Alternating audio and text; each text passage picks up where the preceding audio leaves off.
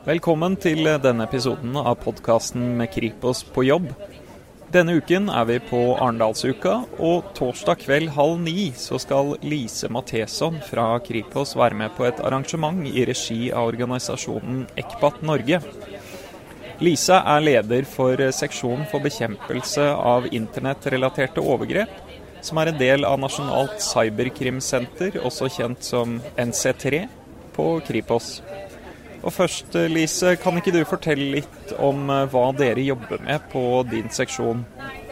Ja, på vår seksjon så gjør vi egentlig ganske mye forskjellig som eh, retter seg da mot bekjempelse av overgrep mot eh, barn på internett. Vi bruker ganske mye ressurser på et etterretningspunkt, som vi kaller det. Der vi tar imot mye informasjon, hovedsakelig fra internettleverandører i utlandet Eh, som eh, har en plikt til å melde fra om eh, mulig deling av avgrepsmateriale på deres tjenester, f.eks. Facebook, Snapchat. Der får vi også inn tips fra publikum og fra andre lands myndigheter. Eh, og det er jo viktig for oss å få gått gjennom og få videreformidla til politidistriktene f.eks. For, for at man igjen kan hindre nye overgrep eh, mot barn, eller få tatt eh, gjerningsmenn osv. Eller få satt i gang andre forebyggende tiltak f.eks. Eh, hos oss også så har vi noen dataetterforskere, som vi kaller det de er ute sammen med andre etterforskere og samler inn f.eks. Eh, informasjon fra forskjellige datakilder, da, telefoner, datamaskiner, og hjelper til med det og tilrettelegger det for, eh, for eh, etterforskerne til gjennomgang. F.eks. Overgrepsmateriale som finnes på disse enhetene. Og så har vi noen som driver med ren identifiseringsjobb sammen med politidistriktene, hvor vi får inn eh, informasjon, eh, altså bilder og videoer, hvor det enten er gjort identifisering av eh, fornærmede eller ofre, eller gjerningspersoner, som vi putter inn i en internasjonal database. Og dette er viktig arbeid for at vi ikke skal bruke mer tid enn nødvendig på å identifisere allerede identifiserte ofre eller der hvor det er materiale hvor vi ikke har fått identifisert, som vi kanskje kan dele med land som har muligheten til å identifisere ofre, som vi kan få redda ut av overgrepssituasjoner. Eh, vi jobber også med å få bygd opp en eh, nasjonal database med eh, overgrepsmateriale. Og det er litt av det samme som er viktig der, at vi ikke jobber mer enn nødvendig med overgrepsmateriale som allerede er gjennomgått og identifisert som ulovlig. Eh, og at vi kan da også kjøre på en måte all nytt materiale gjennom dette, dette produktet, holdt jeg på å si, denne tjenesten. Eh, og så slipper man å gå gjennom mer materiale enn nødvendig. Eh, og så har vi en del forebyggende tiltak. Både ute blant folk, f.eks. at vi har et undervisningsopplegg som heter Delbart, som veldig mange har hørt om. Som er retta mot ungdomsskoleelever. Eh, og deres foreldre, som handler om eh, hvordan man skal forholde seg til deling av eh, nakenbilder, som vi kan kalle det. Og hva som er ulovlig og ikke. Og så har vi også en del tekniske forebyggingstiltak. Noe som f.eks. heter Police to Pair, og der, uh, Det handler om å, å um, på fildelingsnettverk, hvor mennesker som er interessert i å laste ned overgrepsmateriale, gjerne gjør dette. Hvor vi legger ut masse filer som enten er tomme eller inneholder advarselfiler som ser ut som overgrepsmateriale når man laster det ned. Og da eh, forringer man på en måte brukeropplevelsen ved at man da får masse materiale på en måte inn på sin maskin som ikke er overgrepsmateriale. Og samtidig eh, vil det være en eh, følelse av økt eh, oppdagelsesrisiko. Uh, hvor vi da har advarselfiler hvor vi sier at vi har deres IP-adresse, og de har lastet ned en fil fra politiets nettverk. Uh, og at vi nå at det er lovlig, og at vi nå kan, kan finne ut hvem de er. Og så er det også en eh, link eller en mulighet til å gå inn på en link til forskjellige hjelpesider i forskjellige land. Dette er eh, noe vi har, eh, har initiert, og som nå er et internasjonalt tiltak som mange, mange land i verden er med på. Så det er vi veldig, veldig stolt av og glad for å ha fått til. Så sånne forskjellige typer ting jobber vi med hos oss.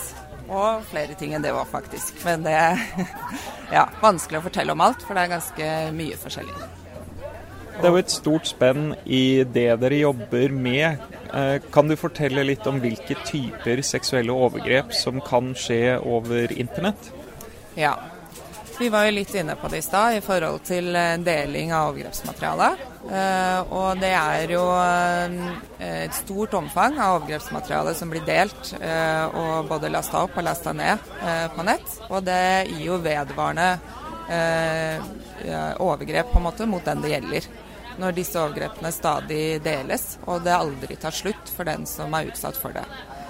Det er jo én type, type, overgrep. Og så er det jo dette med såkalt selvgenerert materiale som vi snakker om. Og det er jo da enten at eh, barn frivillig tar bilder selv og deler dette, men så blir, mister man kontroll på det, og det blir delt videre. Eller at man blir forleda til å begå seksuelle handlinger med seg selv av noen andre over internett som er interessert i dette materialet. Eh, og misbruker dette etterpå. Og Det er jo store overgrep og voldte, altså kan være voldtekt mot barn selv om man gjør det mot seg selv. Um, og så har vi det som mange kaller uh, livestreaming av overgrep, som er da direkte overførte overgrep fra andre land. Og da er det gjerne at noen bestiller overgrep fra barn andre steder, og hvor du da har tilretteleggere f.eks. på Filippinene, som vi har hørt mye om i media som eh, begår overgrepene som bestilles fra f.eks. en mann som sitter hjemme i stua si i Norge. Og dette da streames over nett, så han eh, her hjemme f.eks.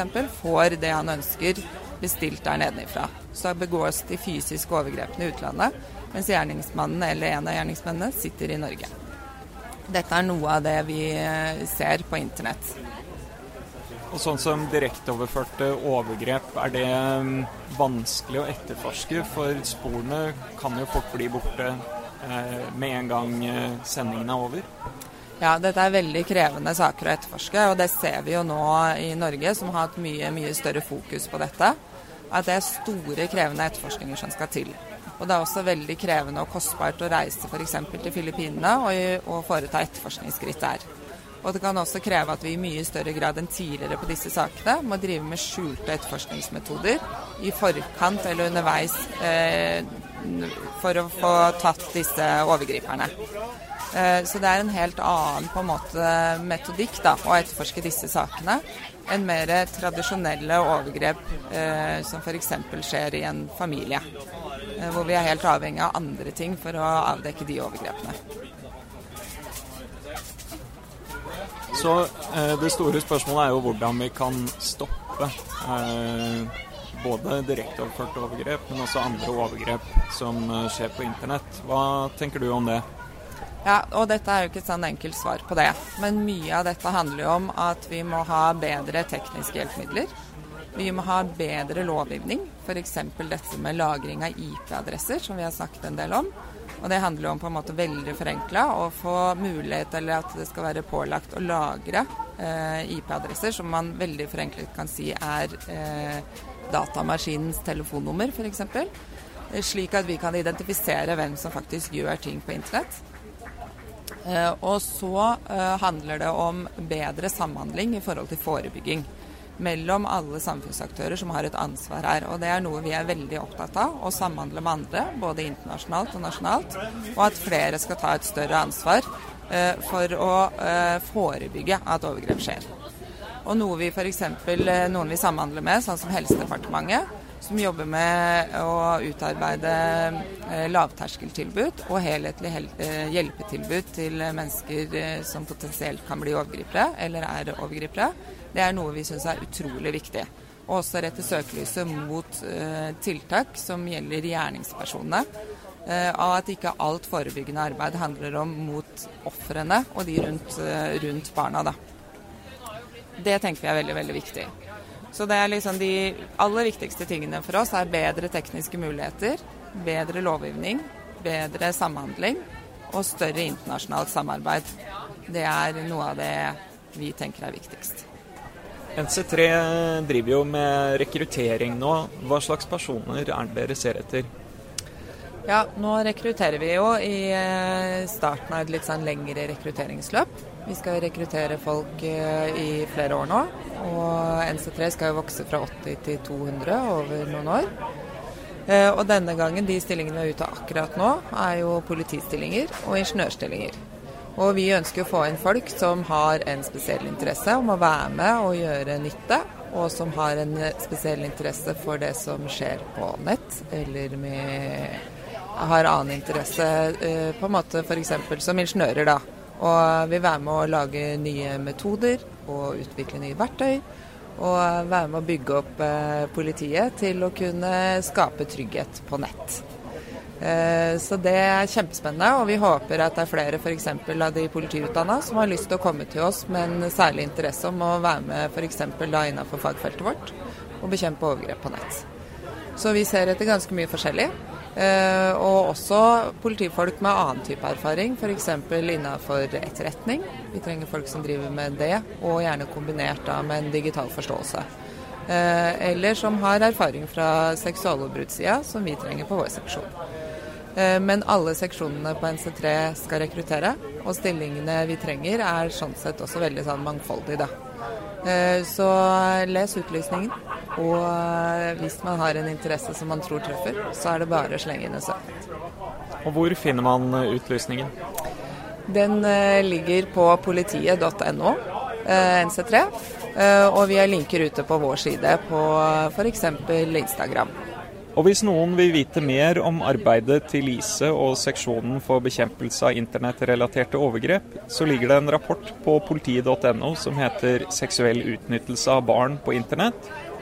I tillegg kan dere møte opp på Ekpat Norges arrangement på Kløkkers teltscene klokken halv ni torsdag her på Arendalsuka.